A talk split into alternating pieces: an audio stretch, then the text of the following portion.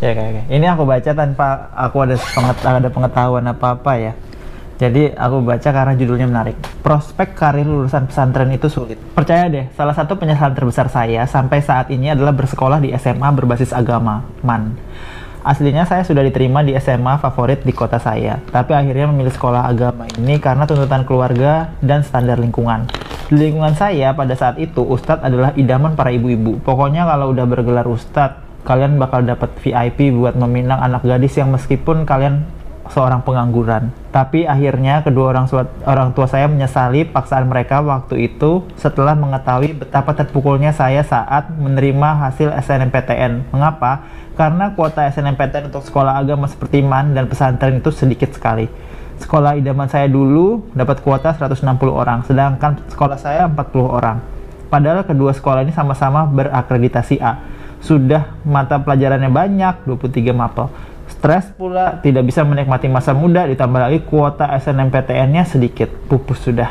Mungkin masih oke kalau SMP di pesantren, tapi kalau SMA-nya di pesantren, maka bersiap saja jenjang karirmu di ke depannya bakal sulit.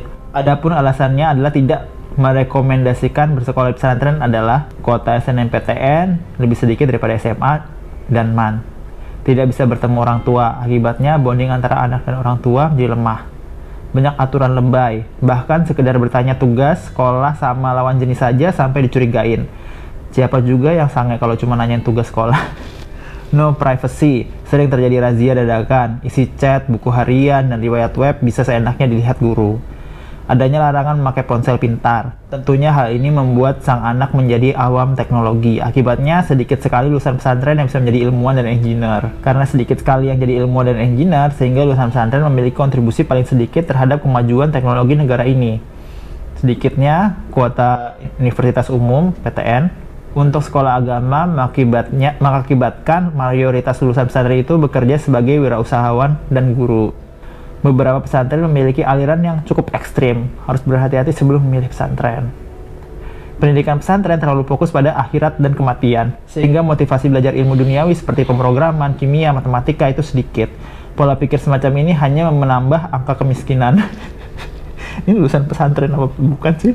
Ada beberapa pengalaman dan ilmu sosial yang tidak diajarkan di pesantren. Tetapi orang tua juga tidak bisa mendidik anak karena sulit bertemu. Yang kuat yang menang anak tidak bisa curhat setiap saat pada orang tua kalau dia dirundung atau memiliki masalah di sekolah. Tidak cocok bagi yang fisiknya lemah karena orang tua juga kesulitan memperhatikan gizi, kebersihan dan kesehatan anak. Silakan Anda mau menceramahi, menceramahi saya kalau Islam juga menyuruh kita untuk mempelajari ilmu duniawi seperti ahli matematika, muslim, al khawarizmi, tapi itu kan dulu. Umat muslim sekarang kan suka bernostalgia mengingat era mengingat era kejayaan Islam, tapi lupa untuk melihat ke depan. Daripada terlalu fokus melihat ke belakang, mengapa tidak sibuk berinovasi untuk masa depan saja? Mungkin Anda berpikir pola pikir saya cenderung duniawi. Tidak begitu, Bung daripada terlalu fokus ke akhirat, mengapa tidak kita seimbangkan saja keduanya? Bukankah lebih baik beribadah dalam keadaan kaya raya? Hati tenang, tubuh sehat, bisa haji sepuasnya dan bersedekah sebanyak-banyaknya. Hampir semua ibadah itu bisa dikerjakan oleh orang kaya, sedangkan orang miskin belum tentu mampu. Ada yang bertanya bagaimana caranya menyeimbangkan pendidikan untuk ilmu dunia dan ilmu akhirat. Nah, kamu bisa bersekolah di SMP berbasis agama, misalnya MTSN. Saya dulu sekolah di sana dan hasilnya memuaskan karena sekolah tersebut merupakan SMP terbaik di kota saya. Nanti setelah lulus, ambillah SMA umum agar lebih mudah melanjutkan ke PTN. Banyak yang komentar gini, lulusan MAN atau pesantren bisa juga kuliah di PTN kok. Betul, tapi perjuangannya tidak semulus anak SMA, lebih berdarah-darah. Inilah yang saya sesali. Sekolah agama itu menimbulkan disibukkan oleh banyaknya hafalan Al-Quran dan jumlah mata pelajaran yang banyak. Sehingga waktu untuk mempelajari soal-soal SBMPTN sangat sedikit. Lagi pula, man pesantren modern itu jumlahnya juga sedikit. Bahkan di kota saya tidak ada sama sekali. Kalau ada man insan cendikia di sini, saya pasti akan milih sekolah di sini, sekolah ini karena lebih menjanjikan untuk masuk PTN. Tapi sekolah yang satu ini cuma ada beberapa doang di Indonesia. Sedikit kan? Itulah yang saya bahas di sini tentang peluang. Sudah saya cetak tebal begini, kalau masih nggak paham silahkan pelajari lagi teori peluang matematika di bangku SMP. Mungkin beda lagi ceritanya kalau cita-cita kalian adalah menjadi ustadz dan guru agama. Tentu sekolah agama menjadi pilihan terbaik. Aku lulusan pesantren, tapi mungkin maksudnya dia ya aku kayak pesantrennya kayak Insan Cendikia karena kiblatnya Albayan kan Insan Cendikia. Terus aku ngerasanya kayak tempatku kan 99% masuk PTN kayak gitu Walaupun kuotanya dikit, karena kan emang siswanya juga dikit. Enggak, kuotanya nggak dikit kan Tapi aneh nggak sih kalau yang bikin ada kuota dikit kuota itu kan per sekolah jelek. gitu? Yang bikin kuota dikit itu kan sekolahnya bagus apa Kenapa enggak? nggak nggak di ranking se Indonesia? Jadi nggak ada kuota berapa? Oh, supaya ada penyamarataannya. Jadi tiap sekolah ada perwakilan yang masuk ke situ gitu ya. Mm-mm. Jadi kayak gini, sekolahmu Biar nggak eh, isinya tuh anak-anak dari sekolahan itu iya. doang yang keterima. dari daerah Jadi tiap dari sekolah dikasih jatah. untuk tes tapi bukan untuk bisa diterima kan kalau sekolahku tuh pinter dia jenius jadi ngakunya tuh kalau misalnya aku ini mau masuk SNMPTN kan itu kan harus berdasarkan ranking kan. Oke ber- SNMPTN coba di UGM misalnya. Nah dari situ yang mau daftar ke UGM misalnya 50-an anak eh 20 anak gitu kan. 20 anak itu ranking 1 sampai 20 sekolah. Kalau dibagi misalnya kelas 1 kelas A sama kelas B berarti ranking 1 sampai 10 kelas A ranking 1 sampai 10 kelas B. Kayak gitu aja. Jadinya padahal anak-anak itu nggak ranking 1 sampai 10 yang mau daftar aja dikasih ranking kayak gitu Kamu nggak boleh lu nyebut ntar di blacklist lu. kan nggak ada yang dengar Ya nama nama sekolahnya aja nanti di. terus gimana kalau Kalau menurut aku ya namanya sekolah eh, kejuruan atau spesialis apa pun kayak gitu ya pasti bakal sulit kalau kamu mau bersaing ke sekolah umum setelah itu kan yang dia maksud kampus ini kan ya kampus umum kan bukan kampus agama kan Mm-mm. kalau kampus agama mungkin ada nilai plusnya Malah malahan kamu kalau malah kamu dari ya. sekolah agama gitu kan nanti lanjutnya ke institut eh, agama Islam kayak Iya. gitu kan misalnya tapi kalau emang dari awal cita-citanya itu udah ke sekolah umum kayak PTN kayak gitu ya lebih baik emang sekolahnya juga di sekolah yang umum sih. Maksudnya SMP SMA-nya gitu. Kalau tapi memang banyak sih orang tua yang menginginkan anaknya kan punya dasar agama gitu kan. Mm-mm. cuma orang tuanya nggak mau capek-capek ngajarin agama.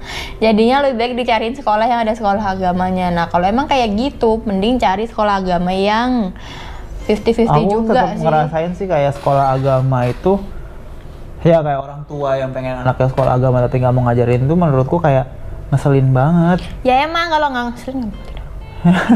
Jadi kayak apa eh, kalau misalnya aku nih sekolah agama kan dan aku ngerasa sangat-sangat berat gitu loh. Aku eh, nggak suka ngaji waktu SMP, nggak suka apa waktu ya pokoknya aku sangat-sangat buta lah gitu. Terus masuk sekolah agama. Di sekolah agama itu pagi-pagi harus ngapalin juz amma. Kayak gitu kan. Aku harus ngapalin satu juz kayak gitu. Adekku malah ada adekku sampai dua juz apal. Aku harus ngapalin satu juz.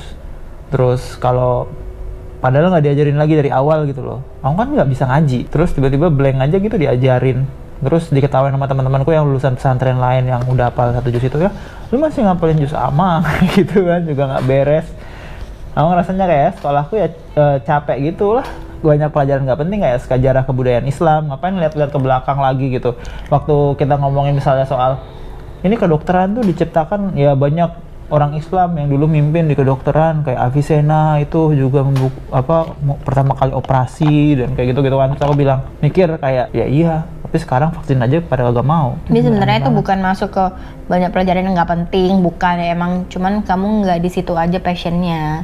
Kalau orang itu emang passionnya di eh, keislaman, itu pasti ada aja kan orang kayak gitu ya cocok. Makanya kalau sekolah itu emang harus balikin lagi ke anaknya, anaknya pengen ngelanjutinnya tuh ke umum, ataukah emang dia pengen ke keagamaan. Kalau bagi dia keagamaan itu penting, ya masuk sekolah keagamaan ya bagus. tapi aku mikirnya ya kayak gimana ya Tapi kalau kesempatan, memang kesempatannya jadi lebih sempit untuk ke sekolah umum karena apa?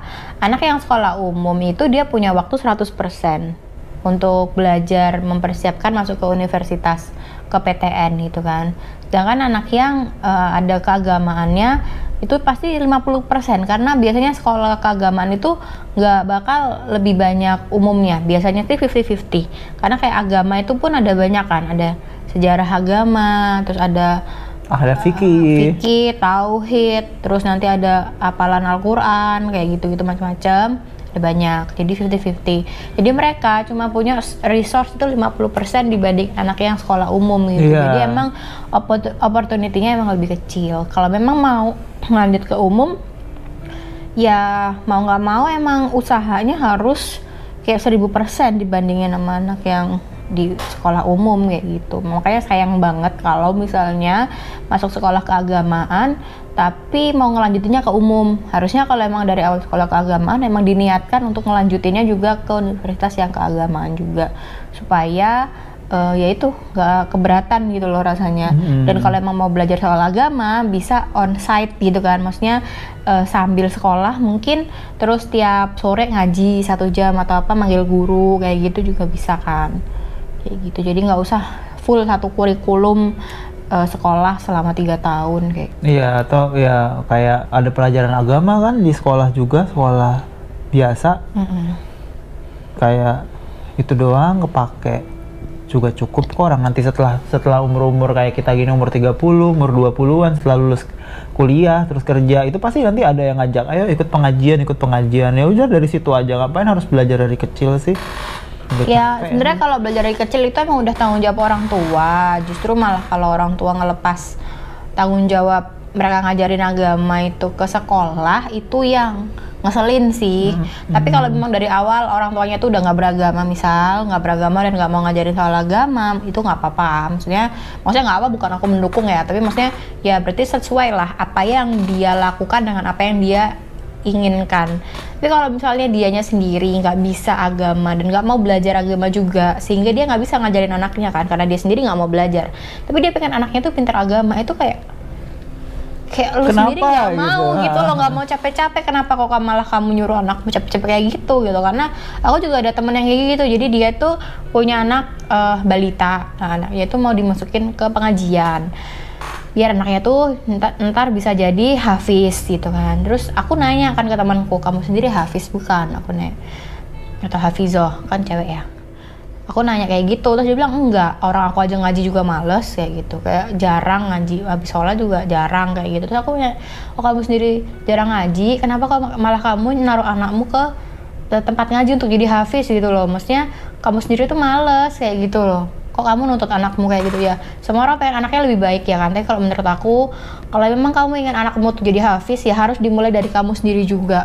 Kamu ya sendiri juga harus eh, suka baca Quran suka ngafalin juga terus kamu mengamalkan. Terus akhirnya ntar kamu ngajak anakmu buat belajar Join, bareng iya. kayak gitu ngaji bareng. Tapi itu bakal lebih menyenangkan sih daripada sekedar nuntut doang anaknya jadi kayak gini.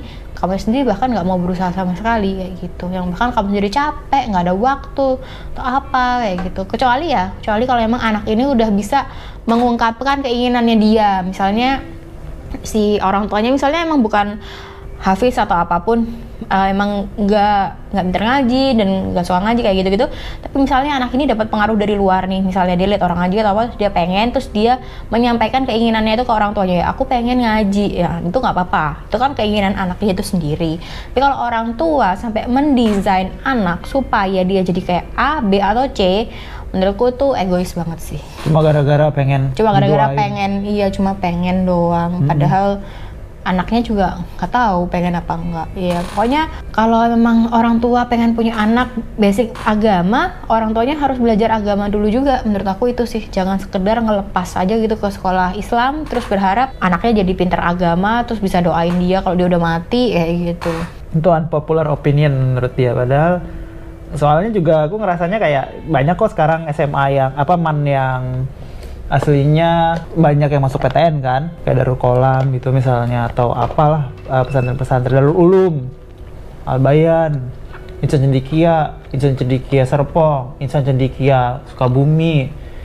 Itulah pokoknya banyak aslinya. Cuman kan eh, di tempatnya dia mungkin ya mannya bukan man yang kayak gitu bukan man modern tapi man-man yang klasik. Dan man-man yang klasik itu ya kayak gitulah. Mana kemarin juga ada cerita pesantren gurunya memperkosa siswinya sampai 12 orang 8 hamil terus sekarang dia mau dihukum mati dan dikebiri.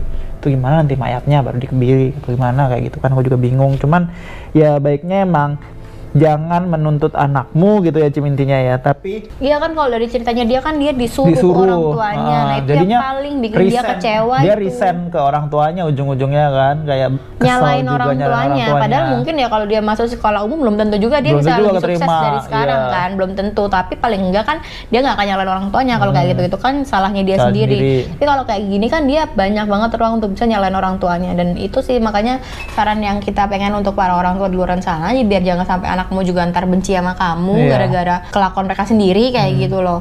Lebih baik emang dari awal itu Anak selalu pikirin untuk memutuskan. iya selalu pikirin anakmu tuh pengennya apa kayak gitu dibandingin kamu yang pengen dia iya biar dia keselnya sama diri sendiri ya. benar kecewa sama diri Ya. jadi biar nggak nyala nyala orang orang lain lain ya jadi segitu aja dari kita bye bye